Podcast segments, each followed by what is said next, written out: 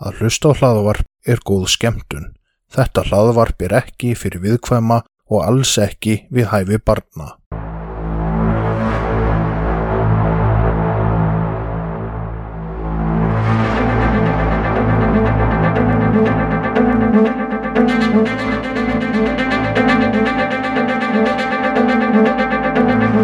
Þetta hlaðvarp er hluti af IK Network. Góða skemmtun. Flott intro búið, það er komið miðgudagur, bjartur og fagur, nýr þáttur að hvað ætla þessi að og klukkan er eitthvað og veðrið er úti eins og Máni Péturs myndi segja. Blessuð og sæl, hvað heitir þú vinan? Þetta hljóma svo gæð bondi. Hvað heitir þú vinnan? Herðu, en ég heiti Telma samt. Sæltelma Brynjar, Sælbrynjar. blessuð, velkomin í stúdíu stofan. Pældiði hvernig það væri ef við myndum bara hittast svona á miðvíkutum í stúdíu og stofu. Já, það væri mjög gaman. Ef að prófa það í heila viku að ég bara fer til mömmu og pappa eða eitthvað og þú verður hér og síðan hittum við bara eftir viku. Mér þykir eiginlega eins og vættum fóröðraðina til að senda því inn á þau í viku. Nei, sko, þau, þau myndu vera glöð með það. Nei, nei, við skulum bara hafa þetta svona. Þetta hefur virkað verið undanfarið nár. Já, við erum bæðið á lífi, hvort er búin að drepa hvort annað. Nákvæmlega.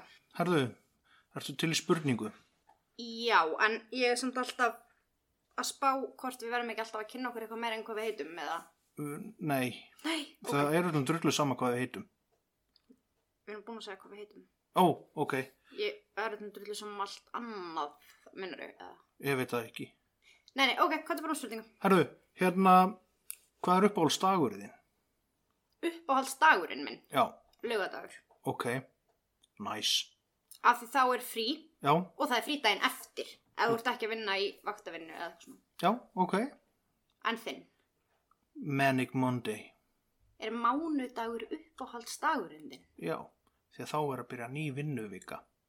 Er? Og þá er líka stutt í miðugudaga sem eru hvað ætli sé aðdagar. En mánudagur, það hljómar svona eins og uppáhaldsliturinn sé drapplitaður. Þú veist, Þetta hljómar svo leiðinlega. Nei, nei, nei, Er það ekki? nei. En ég held samt að allir góðir hlutir byrjuðu á þriðjutugum. Já, það er góðmjöl og góð speki sem segir það. Já, og hérna, þú vilt alltaf byrja allt svona stórt á þriðjutugum. Já, út af því á mánudögum þá plana ég hvað ég ætla að byrja á á þriðudögum. En var það samt ekki komið frá afaðinu með það? Jó, En Það- okkur eru við það með hæsa á miðvíkudugum? Út af þess að við getum unnið, klá, loka að klára það á þriðjudögum þannig að sé fullkomi fyrir miðugudaga. Já. Út af því að þriðjudagur er að happa. Ok. En hvað segir unga dama, ertu ekki með eitthvað skemmtilegt mál fyrir okkur? Jú, ég er með geggjamál. Ok, hvaða mál? Já, byrja bara á því núna. Já, bara núna. Ok, Herðu, nei, být, býta aðeins. Hérna, ég er með mál fyrir þig. Ert þú með mál fyrir mig? Já, Ok. Þessar löngu andvöku nætu mínar, þar sem að ég segi þér að fara að sofa, þá er ég nefnilega búin að vera að fykta í einu máli.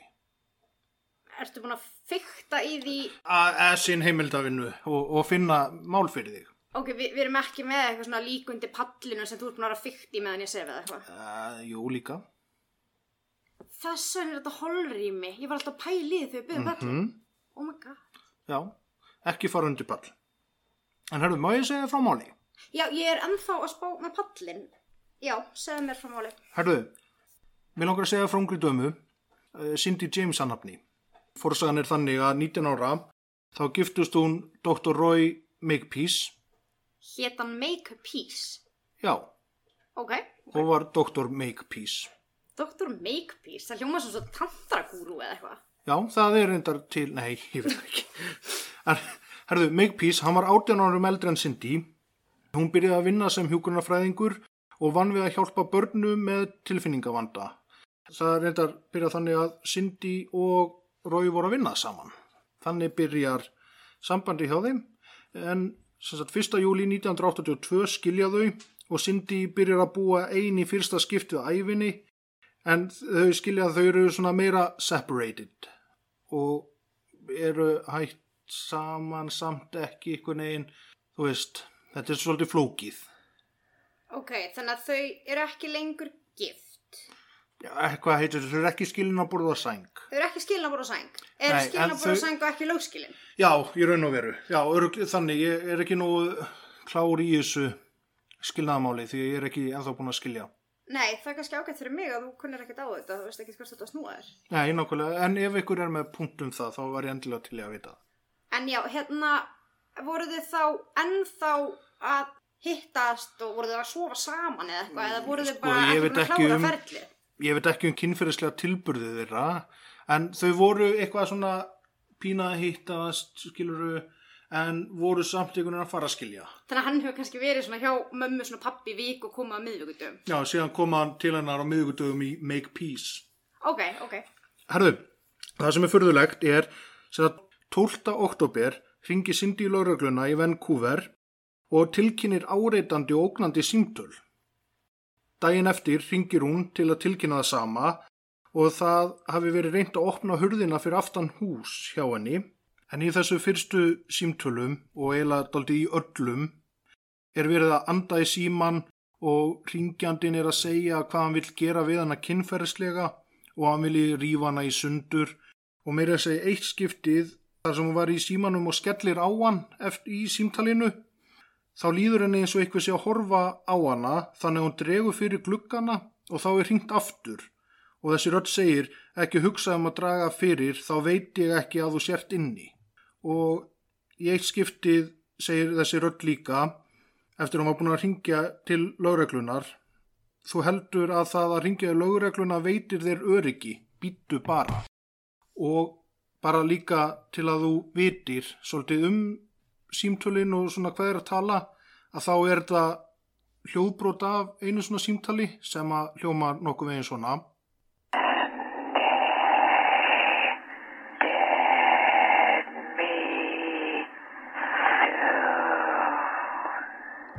Daldið óhugnalegt símtala að fá svona til sín. Þetta er ógeð.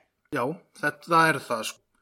En 15. oktober tilkynur hún að stein hafi verið kastað í gegnum eldúsklukkan hjá henni og fjórundugum síðan tilkynur hún að brotist hafi verið inn til hennar og kottin hennar hafi allir verið sundu skorinn en hún tók ekki eftir því fyrir hún var að fara að sofa og tók rúmteppið af rúminu. Lögreglumæðurinn á vakt, Pat McBride, heldur við fram að Rói geti verið ábyrgu fyrir þessu. En Cindy neytar þeirri hugmynd því það var hann sem hvatti hana til að tilkynna þetta til lögreglunar, sem þess að korta skurðin.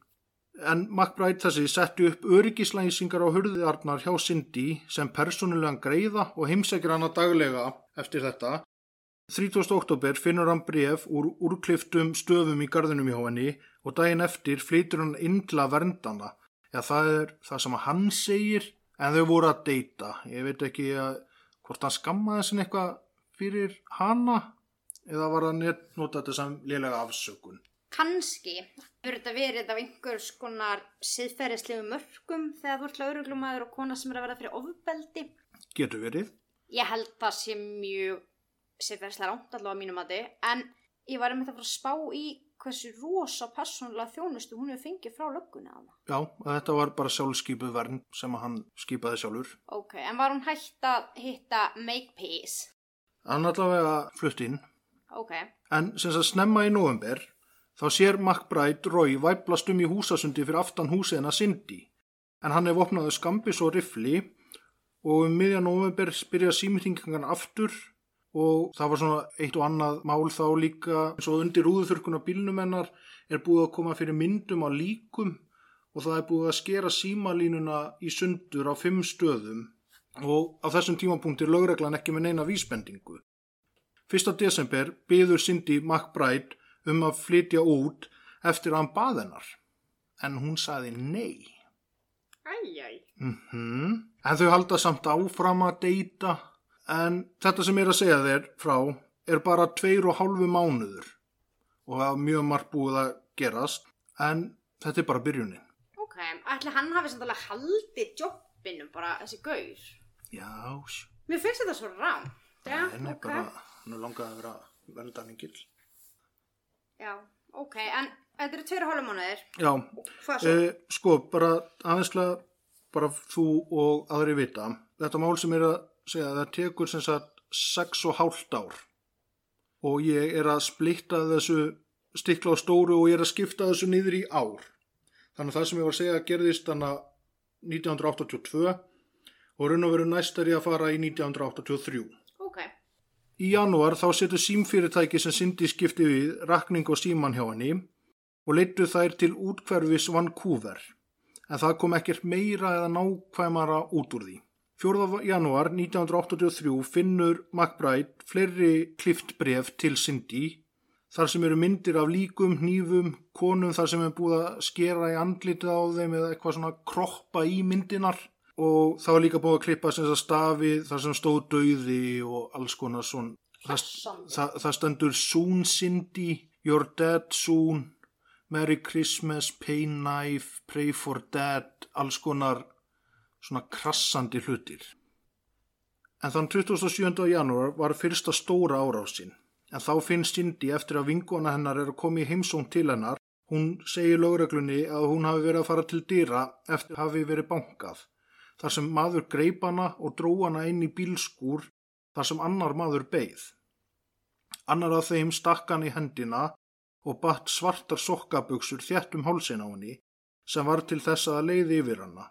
Cindy var mikið skorinn um líkamann en það voru engin sár sem voru lífsættuleg.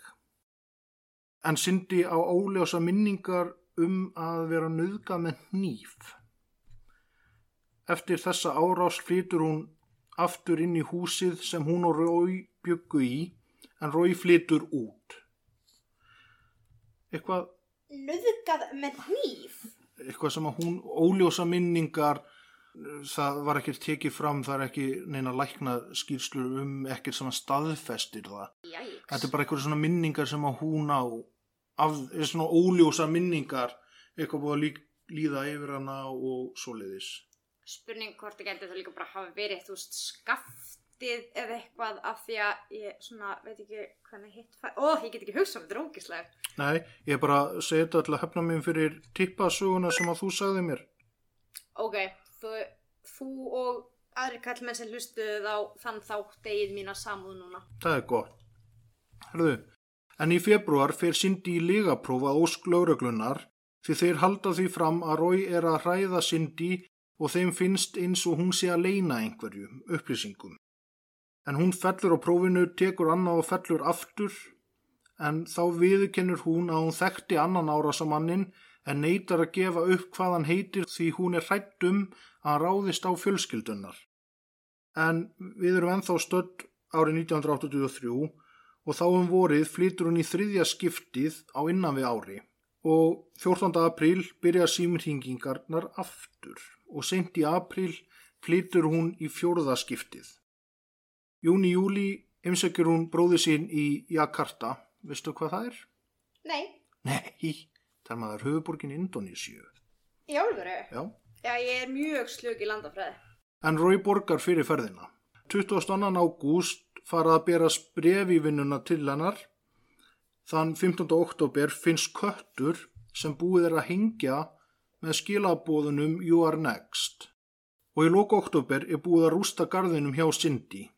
Og það lítur einhvern veginn út þannig að margir gruna Rói því hún held því fram að hann myndi ekki gera svona. Hérna, Rói, Já, það er Dr. Make. það er Dr. Makepeace. Ok, bara vera viss. Já, hann er Dr. Roy Makepeace. Ok, Já, fyrir randi maðurinn hennar. sem borgaði fyrir Indonésiu ferðina. Já, til að heimsækja bróðir hennar. En svo fannst í dagbók að hún skrifaði um að Roy hafi einhver tíma gert eitthvað svipað á meðan þau voru gift, sem rústaði einhvern veginn garði sem að þau byggu í. Þeirra garðið þá. Þeirra garði, já.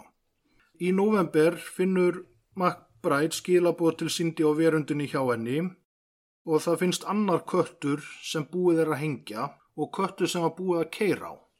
En þarna sannfarði McBride Cindy um að ráða vinst sín sem er engaspæri til vinnu sem heitir Ossi Kaban og hún ræður hann í vinnu og þarna líkur í raun og veru frásögninni frá 1983.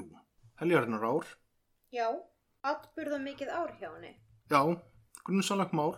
Já, örgulega vil ég frekar lengi að líða, sko. Þetta er mjög óþægileg stað alltaf verið í potið. Já, bara sími má ekki ringja og þú ert bara fann að panika og fara út og það eru bara búið að hengja ketti upp og döðu köttu sem búið að keira og alls konar. Já, það hefur verið umulagt. Viltu að ég haldi áfram að segja frá 1984? Já, ég verð að vita hvernig þetta fer. Þetta er bara rétt að byrja.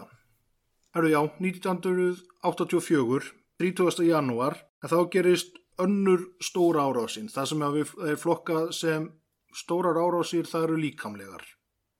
En þá var kappan búin að setja upp tvíliða öryggiskerfi og Cindy var með öryggisnapp. Um sexu morgunin þá ringir Cindy í hann sem sagt hann fær tilkynningu frá henni og byður hann um hjálp. Hann sparkar hurðinu upp korteri síðar og sér Cindy þar liggjandi á gólfinu með hnífi gegnum vinstri hendina með hótunabrifinu You are dead bitch. Svartar sokkaböksur eru bundnar um hálsin á henni og hún hafi verið lamin í höfuðið. Hún var með nálafur á hægri handlegg en það fundust engin efni í líkamannum og það eru ennþá engar vísbendingar eða hver grunaður er um verknaðinn annar en rói. Sindi segir lögreglunni að hann hefði hótað henni og lamið þegar þau voru gift og þess vegna endaði sambandið en um sumarið heldur áreitið áfram símringingar í vinnuna og á heimilið, skorið á símalínur, brotna rúður og þarna er Sindi að létta smikið og þetta er fara að taka mikinn toll á henni. 18. júni kallar Sindi aftur á kapan eftir að útýttarauðurðin er opinn í hálfa gátt og þegar hann kemur og þau fara inn þá finnur hann kinnferðislegt ammaliskort. Rothmann síkarettustubbar inni hjá henni ásamt því að hundurinn hennar er bundin við eldúsborðið með sama bandi og kettinni voru hingdir. Og þá búið að meiða hundin og stuttu eftir þetta atvik finnst annar köttur sem sá fjörði og hann var hingdur. Var í lægi með hundin, lifðan eða? Hann lifiði á en náttúrulega bara skítrættur og annað sko, það var búið eitthvað að tuskan til sko. Æ, ég elsku kalli. Eitthvað staðar sá ég að hann satt hana í eigin saur og svo leiðis. Æ, hann er verið svo hættur. Já, nákvæmlega. Viltu vita meira? Um hundin? Nei, bara málið. Já, já, já. Ok, þá ætlum við að fara í þriðju stóru árásina en um hálf nýju að kvöldi til tilkynni Cindy Kapan að hún ætlar í göngutúr með hundin í Dönbargarði. Þremur og hálfum tíma síðar bankar Cindy á hörð hjá einhverju fólki og hrinu niður með svartar sokkabuxur bundnar þéttum hálsin. Það seinasta sem um mann var að hún var stoppuð út á götu af skeggjuðu manni og ljóshærðri konu í dökkrænum sendiferðabíl og maðurinn hafði spurt til vegar. Cindy er með tvö nálafur á handleggjunum en engin lifi blóði, annað en þunglindislif, en eftir þetta kemur Kappa með þá hugmynd að senda hana í dáleiðslu til að reyna að kalla fram minningar af atbörðunum og í öðrun tíma af dáleiðslu segir hún að hún hafi einu sinni orði vittni af tvöföldum morði en vill ekki segja frá neinu smáatriðum. Og þann 4. oktober fer Cindy og Kapan til lögreglu til að ræða við lögreglu um seinagang í þessu máli. Lögreglan er ráðþróta því það eru yngar vísbendingar en það var búið að yfirherra alla starfsmenn sem hún vann með Interpol var búið að skoða rói en ég ætla aðeins að tala við þig um lögreglu í þessu máli. Þegar var komið hérna til sögu þá eru þeir eða búin að gefast upp á þessu máli og þeir voru líka búin að draga svolítið lappinnar eins og þegar var stungið nýpnum í gegnum hendin á henni. Það var ekki tekið fingrafur af nýfunum eða miðunum sem að voru að koma til hennar en eitt þannig. Voru það bara mistök eða? Ég veit það ekki. Það er bara, það er eins og sko, þeir höfðu rosalega áhuga á þessu fyrst en síðan alltaf mingaða. Enga vísbendingar, ekki neitt og síðan bara svona ringir hún og bara, já, hún er að ringja. Heldur að hafa eitthvað dvínað áhugin þegar hún neitaði að gifta slökunni eða? Nei, Það er ekki sama tíma. nei, Nei, ok. nei, nei, alls ekki. En eitt sem er mjög skrítið í þessu máli er að þegar þeir, sagt löggan, voru annarkvort að hlera síman hjá henni eða sátu fyrir utan húsið og voru að vakta húsið, þá gerðist ekki neitt. Það voru engin símtöl, það voru engin döði kettir, það voru engin miðar eða neitt, en um leið og þeir fóru, þá byrjaði þetta aftur. Þannig að viðkomandi hefur þá vitað að það væri verið að fylgjast með. Já, allavega grunna það, byrju, út af því að það var ekki neitt þegar lögreglan var að fylgjast með. Mér finnst ólíklegt að það væri tilviljun með að við allt þetta áreiti. Já, nákvæmlega. Og bara til að klára 1984, eftir rólegt haust, þá byrja síminn aftur að ringja í desember hjá henni. Já, hann kemur hann svolítið löng Það, það, pása. það kemur alltaf pásur inn á milli. Bara, þetta er eins og með ráðmórðingja, það kemur alltaf svona cooling tímabil. Því það er alltaf svona tekið fram, símringinguna byrja aftur. Já, en ég held að það eigi samt sko ekkert endilega við um stokkera af því að það er meira svona eitthvað sem að fer stigmagnandi og ef þú myndir líka þessu við ráðmörgja þá væri þetta samt bara eitt fórnalamb. Þannig að það er áhugavert af hverju þetta stoppar. Já, viltu að fá að vita um 1985? Nei, ekki bara segja þetta gott. Jú, nei. Herðu, í janúar 1985 fer Cindy í þriðja dáliðslutíman og þá eru lögreglumenn með til að spyrja spurninga og þá kemur upp að árið 1981 var hún í snekkjusiklingu með Rói og á hann þá að hafa drepið og limlest ung par. En sýstir Cindy, Melanie, sem var líka með í siklingunni, tók ekki eftir neinu óeðlilegu og löggan fann engin sönnunargögn sem að tengdist þessari frásögn hjá henni. Hvað, Telma? Má ég koma með skýringu eða er það ásnefnt? Skýr, skýring á þessu? Já. Uh, já, já. Þeir sem hafa hlustað á yllverk til dæmis, þeir muna kannski eftir stúri hérna... Sture Bergman. Já, stúri bergmannu. Dáleiðsla er held ég oft mjög óáriðanlegt fyrir bari að þú setur manneski í eitthvað svona ástand þú, get, þú getur búið til minningar af fólki og þannig eru lögreglur að spyrja og það er verið að dáleiða hann og eitthvað þannig að ég ætla að setja stórt spurningamarki við þessar minningar Þeir tekkuðu bara á hvort þetta átti við ykkur okkar styðjast en það var aldrei gert eitthvað mál úr þessu. Nei, það var engin sannunargagn um þetta greinilega Mm. og þetta er eitthvað sem að rifjast upp í ykkur svona dáleiðslu, já, mér finnst þetta hljóma eins og bara svona tilbúnar minningar. sko.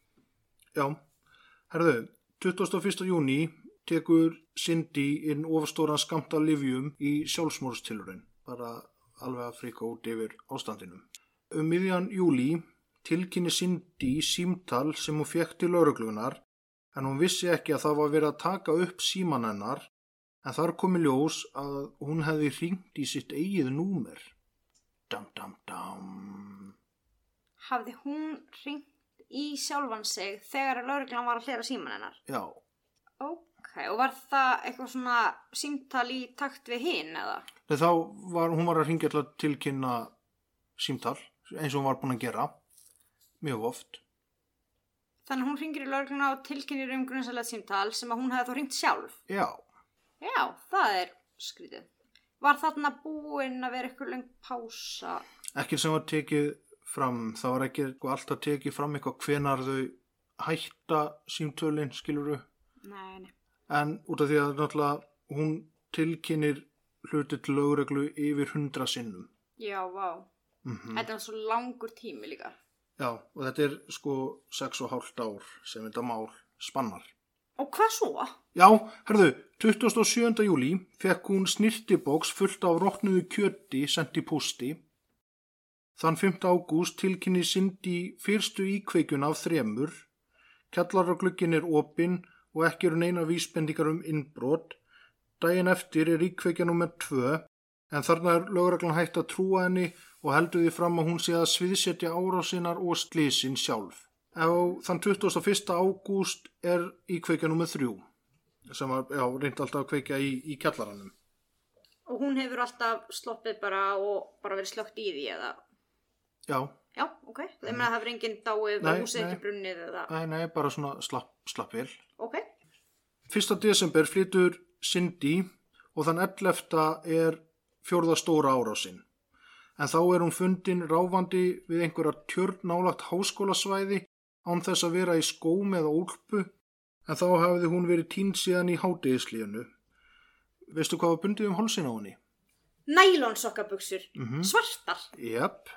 Og veistu hvað var á handlagunum á henni? Stunguför. Nákvæmlega. En hún myndi ekkert hvað hefði gerst en þegar lögreglan ráðfarið sig við geðlækni sagði hann að þetta væri sviðsett. 15. apríl 1986 er komið af enn öðrum viðburðunum en eftir seinustu stóru árást var Cindy orðið mjög hrætt um sjálfan sig og hún fekk Agnesi vinkonu sín á manninannar oft til að vera hjá sér á nóttunni og eina nóttina þegar allir voru komnir upp í vöknuðu þau við óhljóð í kjallarannum og þegar þau fóru aðtuga með hvað þetta var og fóru niður í kjallarann þá var hann í ljósum lofum. Þannig að þau reyna að ringja í slökkviliðið en þá búið að skera símalínuna og maðurinn hér Tom og þegar hann hleypur út til að fá að ringja hjá nágrannanum og þegar hann kemur út þá sér hann að það stendur maður fyrir framann húsið. Hann byður hann um að ringja en maðurinn hleypur í burtu. Löggan komst að því að þetta var íkveikja og þar sem það var engin notaði fingraför í kringum gluggan sem átti að vera inn- og útgönguleiðin að þá, segðu þetta bara að það hefði verið sviðsett. Að það voru ekki fingraför. Mm -hmm. En voru merki um innbrúst, var, var þetta lastur gluggi, hvernig var Eh, þetta? sko glugginn var opinn og þá voru engin fingraför og þá var bara að þetta er sviðsett. Já, var þetta 1983? 85. Já, alveg rétt, 85. Það var náttúrulega ekki verið til hanskar þannig. Nei, Nei, nei, nei. ok. bara til að klára íkveikjum umræðina. Þá sagaði Cindy Roy um að hafa kveikt í en hún vissi ekki að hann var í Suður Afríku þegar þetta gerðist. Þannig að þarna er Rói svona eini sakborningur, hann er eini grunaði. Já, Hann er ekki orðið sakborningur, hann er eini sem er grunaður. já, En hún átti hann að ólösa minningar tvei mönnum, var það ekki? jú. Sem hún vildi ekki segja hverju voru. Já, það var þannig fyrstu stóru ári, eftir fyrstu stóru ára sína. Þannig að ef að það er rétt og þegar að verið tveir, þá náttúrulega þarf það ekki að hafa verið Rói, getur það verið hinnaðurinn. Já, og síðan líka einmitt í einni það sem var skeggjaði maður og ljósar kona. Það var ekki Rói. Að það var það síðasta sem hún man. Já, Það þýðir Nákvæmlega. ekki endilega að það hafi verið það síðasta sem hún sá, eða Nei. síðasta sem hún hitti. En þetta var að fara að taka sinn toll og í apríl þá legg Cindy inn á geðdild og er þar í sex vikur og útskrifast 15. júli og sýnir fram á mikla framfari það sumar. Og það er sem sagt fréttalítið það sem eftir lifir á áriðinu annað en að Cindy kaupir hús í Richmond sem er svona útkverfi af Vancouver. Hann er sagt upp í vinnunni sem var búin að vinna við í 11 ár Kom eitthvað fram af hverju henni var sagt í vinnunni. bara byrjaði að vera liðlegu starfskraftur Já. skilur, væri bara að þetta tekur sinn toll hún var bara ekkert alveg fungerandi í vinnu Nei, nei, ég var að mynda veltaði fyrir mér að því þarna er sko, þetta er bara búið eðalega lífin greinilega. Mhm. Fyrir utan streituna og allt, hún er búin að enda hana gæðdeild, hún er búin að missa vinnuna, hún er búin að þurfa að flytja. Þetta er umurlagt. ég get líka bara sett inn á Instagram ef að fólk vil sjá bara myndir af henni fyrir og eftir það er rosalegu munur en þetta er sko einmitt mynd eftir eina ára sinna sko þannig hún er orðin alveg svona tuskuleg bara þetta er andlega og líkamlega búið að taka eflaust mjög mikið á Já, þetta er náttúrulega ekki lítið álag að búa við svona. nei, langt í frá sko Og endar þetta svolítið bara þarna þá? Elskan mín. Sko við fyrir aðeins hraðar yfir 1987 út af því að það var tiltölulega tíðindalítið ár. Það voru brotnigluggar, það voru símringingar, hurðin að kjallaranum var brotin en það voru enga stórar árásir. Eh, Svona eins og segja, þetta var bara með að við það sem er búið að vera undan gengið þá er þetta frekar lítið. Það var verið að hrallana en það var ekki líkamlega ráðist á hana þannig. Nei. Og raun og veru er taldið sama líka 1988. Það það er bara eila einn hlutur sem að er svona stór í raun og veru og það er stór árás. Þá á miðnætti ringi neyðabjallan hjá Kaban og hann finnur hana í bílskúrnum. Hálnækta með svartar sokkaböksur bundnar um hálsin. Hún sagði að það hefði verið ráðist aftan að henni þegar hún var að fara úr bílnum. Já, ok. Mhm. Þannig að, eins og segi, þessi tvö ár eru raun og veru bara búin að þetta bara gerðist, það var mjög svona tíðinda lítið þarna. Var hún ekki með henni að stóra áverka eða veist, var meðvitundur í sér skúrnum eða... Eh, Nei, ekkert sem að tekið frá þetta því hún ringir neðabjöllunni, eða hérna nappin sem hún var með. Já, við komum að þau kannski átt að segja á því og flúið bara. Mm. Og þetta voru alltaf svipa hringingar og miðar og þú veist, Mhm. þetta er alltaf svona haldið sama Já, bara eitthvað Dead Soon og You're Next og It's Coming og bara alltaf í þessum dúr. ok, alltaf þetta þema Já, alltaf verið að hóta. En þá erum við komin að herrans árinu 1989. Í apríl þá fær hún hótunabref og það var reynd að brjótast inn hjá henni. Í mæ byður hún kapan um að setja upp svona infrarett örgiskerfi í gardinum svo hún geti skotið bóðflennur. infrared öryggiskerfi árið 1989 Já, eitthvað nánari lýsing á því eða nei var bara að talað um infrarett. sem hún alltaf alltaf að skjóta bóðflennur Já, ok, ok ég bara, já, vissi ekki að tækna neður svona magna þá já, hún bað um þetta. ok, En hún segir einni við hann að hún er tilbúin að tala og íjar af því að hún leynir einhverju. Þann 25. mæ 1989 var Cindy að fara að versla í verslunamiðstöð en hún kom aldrei heim. Bílinn hennar fannst á bílaplaninu hjá verslunamiðstöðinni og rannsakendur fundu blóð á bílstjóruhurðinni og það var búið að fleia hlutum úr veskin hennar út um allt og í skottinu var það sem hún hafi verið að versla. Tveimur vikum setna finnst líka hennar í gardi á yfirgefnu húsi það er alveg of góð tímasetning fyrir dyrabíluna Já, mjög. En þetta hús var hjá frekar fjölmennri umfragötu en það var skokkari sem kom auga á hana. Hún var bundið með hendur og fætur fyrir aftan bak og var með svarta nælonsokkabuxur um hálsin. Á líkama fannst nálastungu sár á handleggjum og kom í ljós við krupningu að hún var með háanskamt af morfín og önnur efni í blóðinu. Á vettfangi fundust ekki nálar eða ambúlur í tengslum við lifin. Við krupningu kom í ljós að Cindy hafi látist á svipuðum tíma og hún hvarf. Hún dó af of stórun skamti af morfín og öðrum lifjum en réttameinafræðingurinn gat ekki komist að niðurstöðu hvort afburðurinn hafi gerst með sagnamum hætti. Þannig að þetta er óskýranlegar aðstæður. Skilu, þetta var ekki morð, þetta var ekki sjálfsmorð eða eitthvað þannig. Lögreglan var með þá kenningu að þetta væri sjálfsmorð og til að sumera upp að hún hafi sprautað sig annar staðar, losað sig við nálina, svo lappað 2,5 kilometr frá bílnum og þar sem hún fannst. Þar sem hún hefur sem sagt, bundið hendur og fætur fyrir aftan bak og vera eitthvað að kirkja sig líka með sokkaböksum. Annar punktur í þessu er að skokkarinn sem að fann hana, hann sagði að hann færði hennar hring reglulega og á þessum tveimu viku sem hann var ekki búin að finnast var hann búin að fara hennar hring nokkru sinnum og var ekki búin að sjá hana fyrir en þetta skipti. Hvað sér við talma? já, ég var bara að reyna að komast að hana án og fórst að tala um skokkarinn ég ætla bara að spyrja hvort það verður ekki að grínast Nei, er einhver svona fylgni milli sjálfsvíga og að binda sjálfan sig, er það hægt einu sinni? Nei, ég veit það ekki sko. Ég örgulega erfitt að sprauta sig með morfíni og fara að binda sig svo. Líka ef hún lappaði morfin í æð, þú veist, við erum að tala um innan við tvær mínútur kannski. En svo náttúrulega var hún á öðrum lifjum og skokkar hann ekki séð hana. Nei, ekki á þessum tveimu vikum. Og hann var búinn að fara hann framhjá. Já, já, þetta var bara svona, hann, bara, þetta var svona reglulegu skokkari. Hann var bara með eitthvað svona rútínu, fór að skokka eitthvað x í viku og fór þennan ring.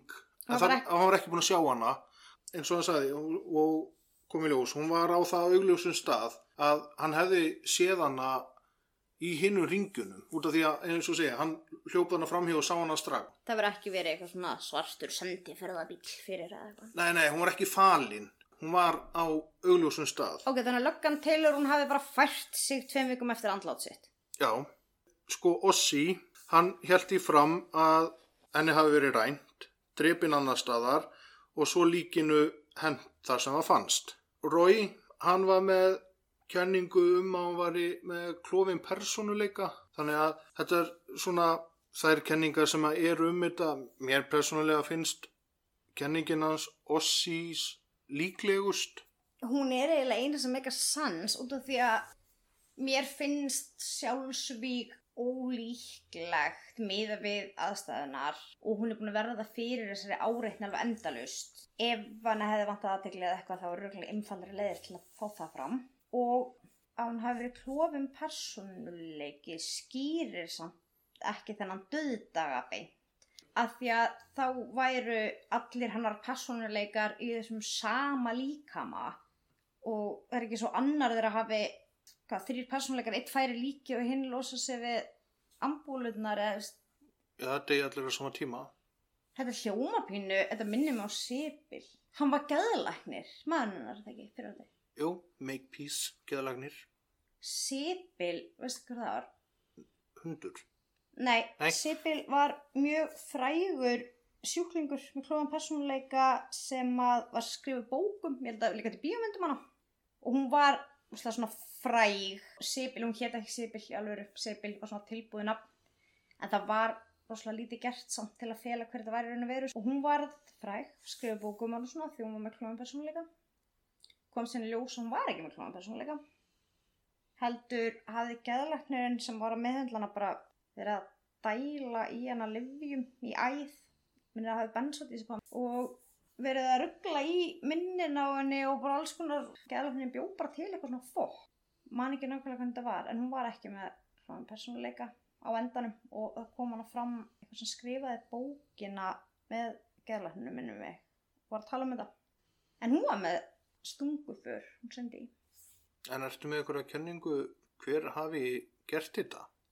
ég held að það hafi verið rói Af hverju heldur það?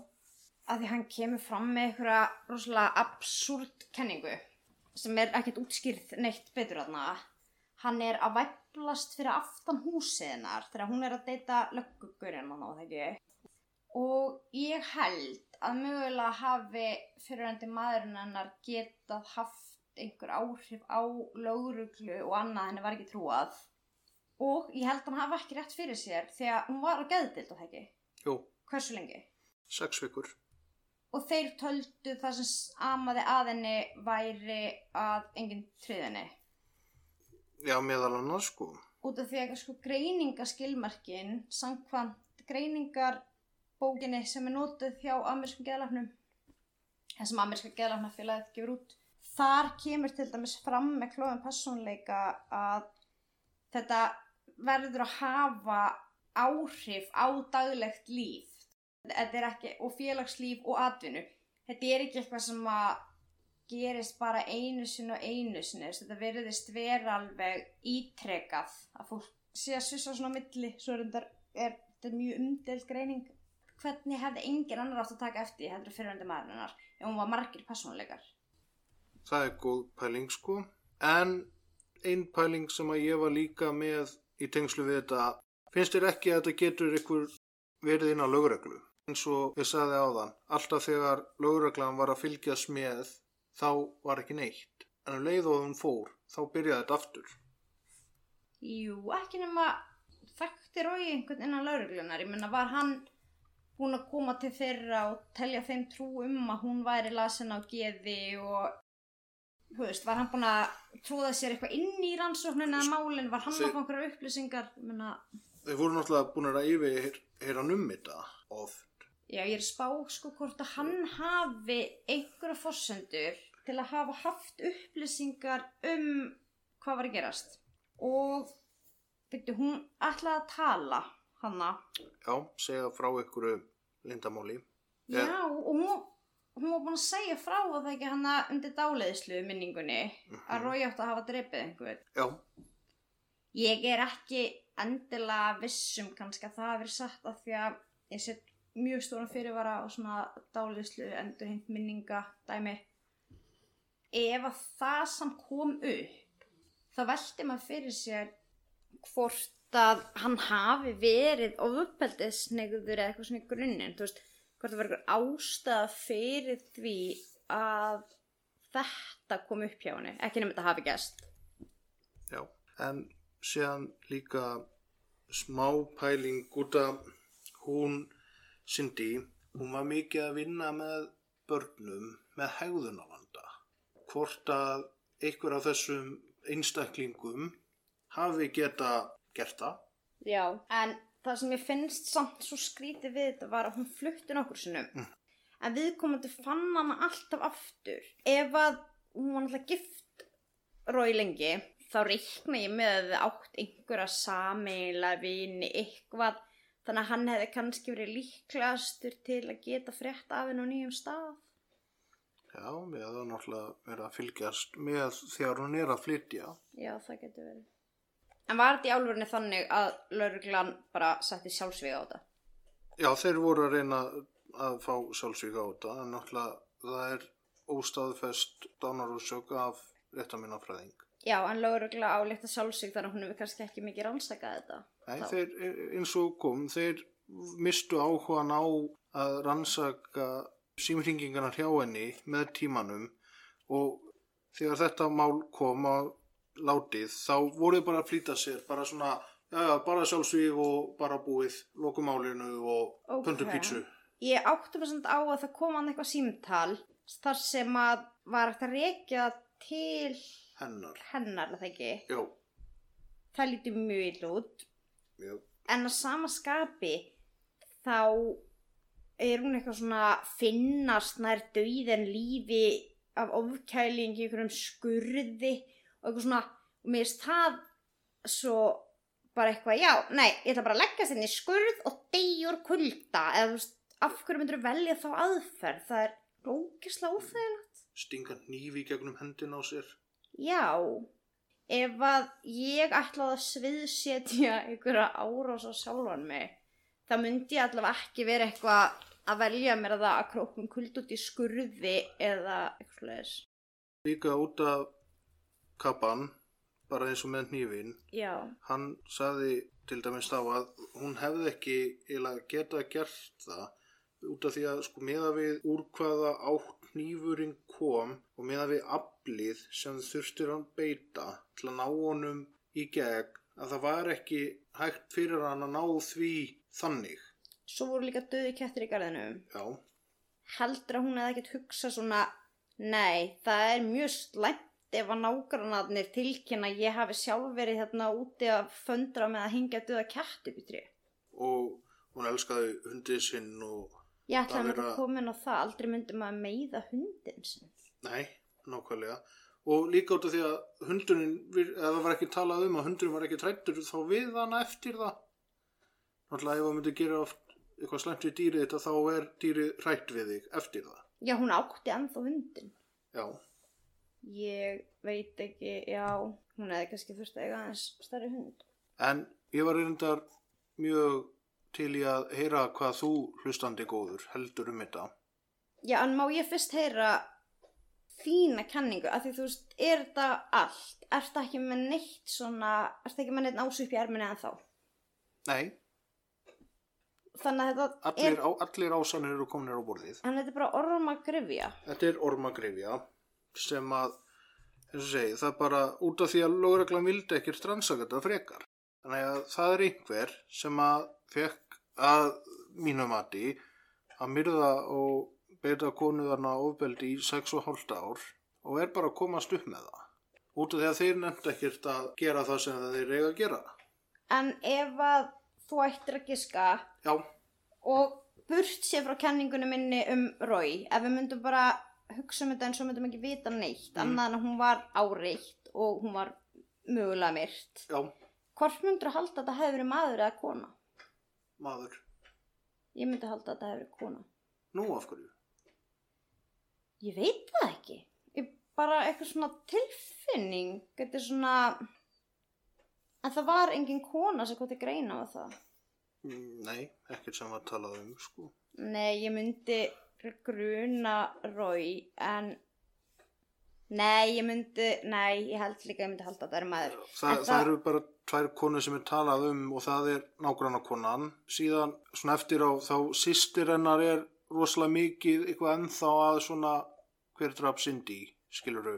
Það er svona berjast fyrir og skrifa eitthvað bók um það og svoleiðis. Já. En, en eins og segið, það er, yngar aðrar konur sem að eru í þessu lúpi.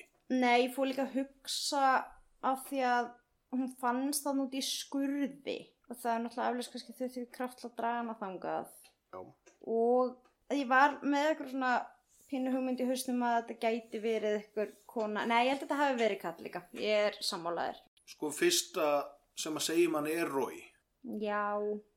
En hvað var samt með þessa löggu? Hvað var með hana?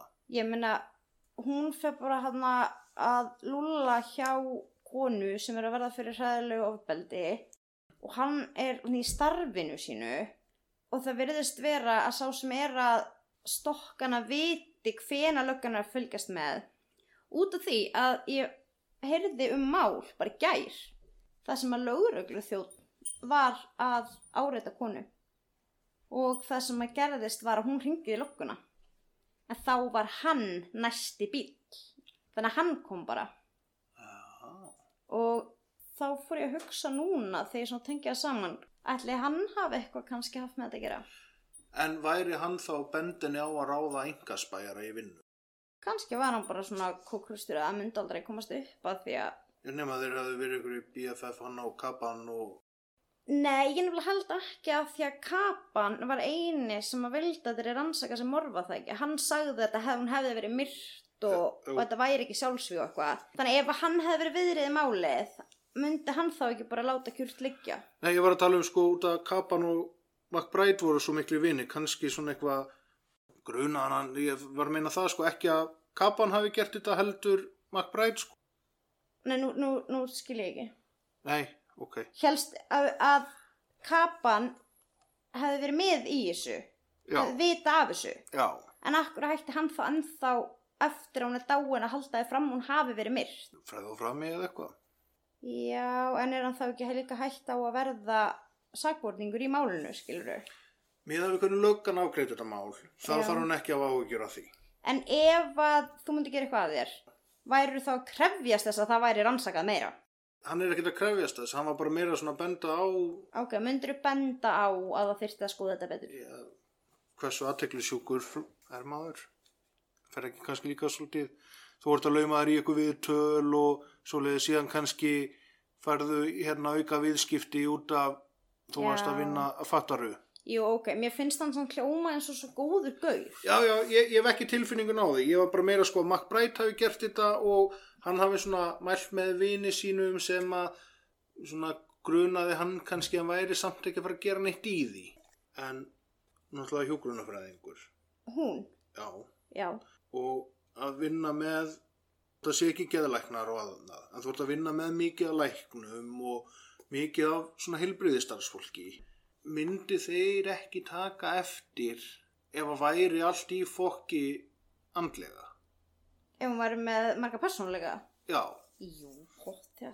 já og, og eins og segi, ef að hvort sem hún er persónuleika eða væri svona hryllilega þunglind eða hryll, bara skilur hvað sem er Hún var alltaf búin að missa vinnuna, hún var náttúrulega látið fara út af því að þetta var að hafa svo mikil áhrif á hana. Mhm.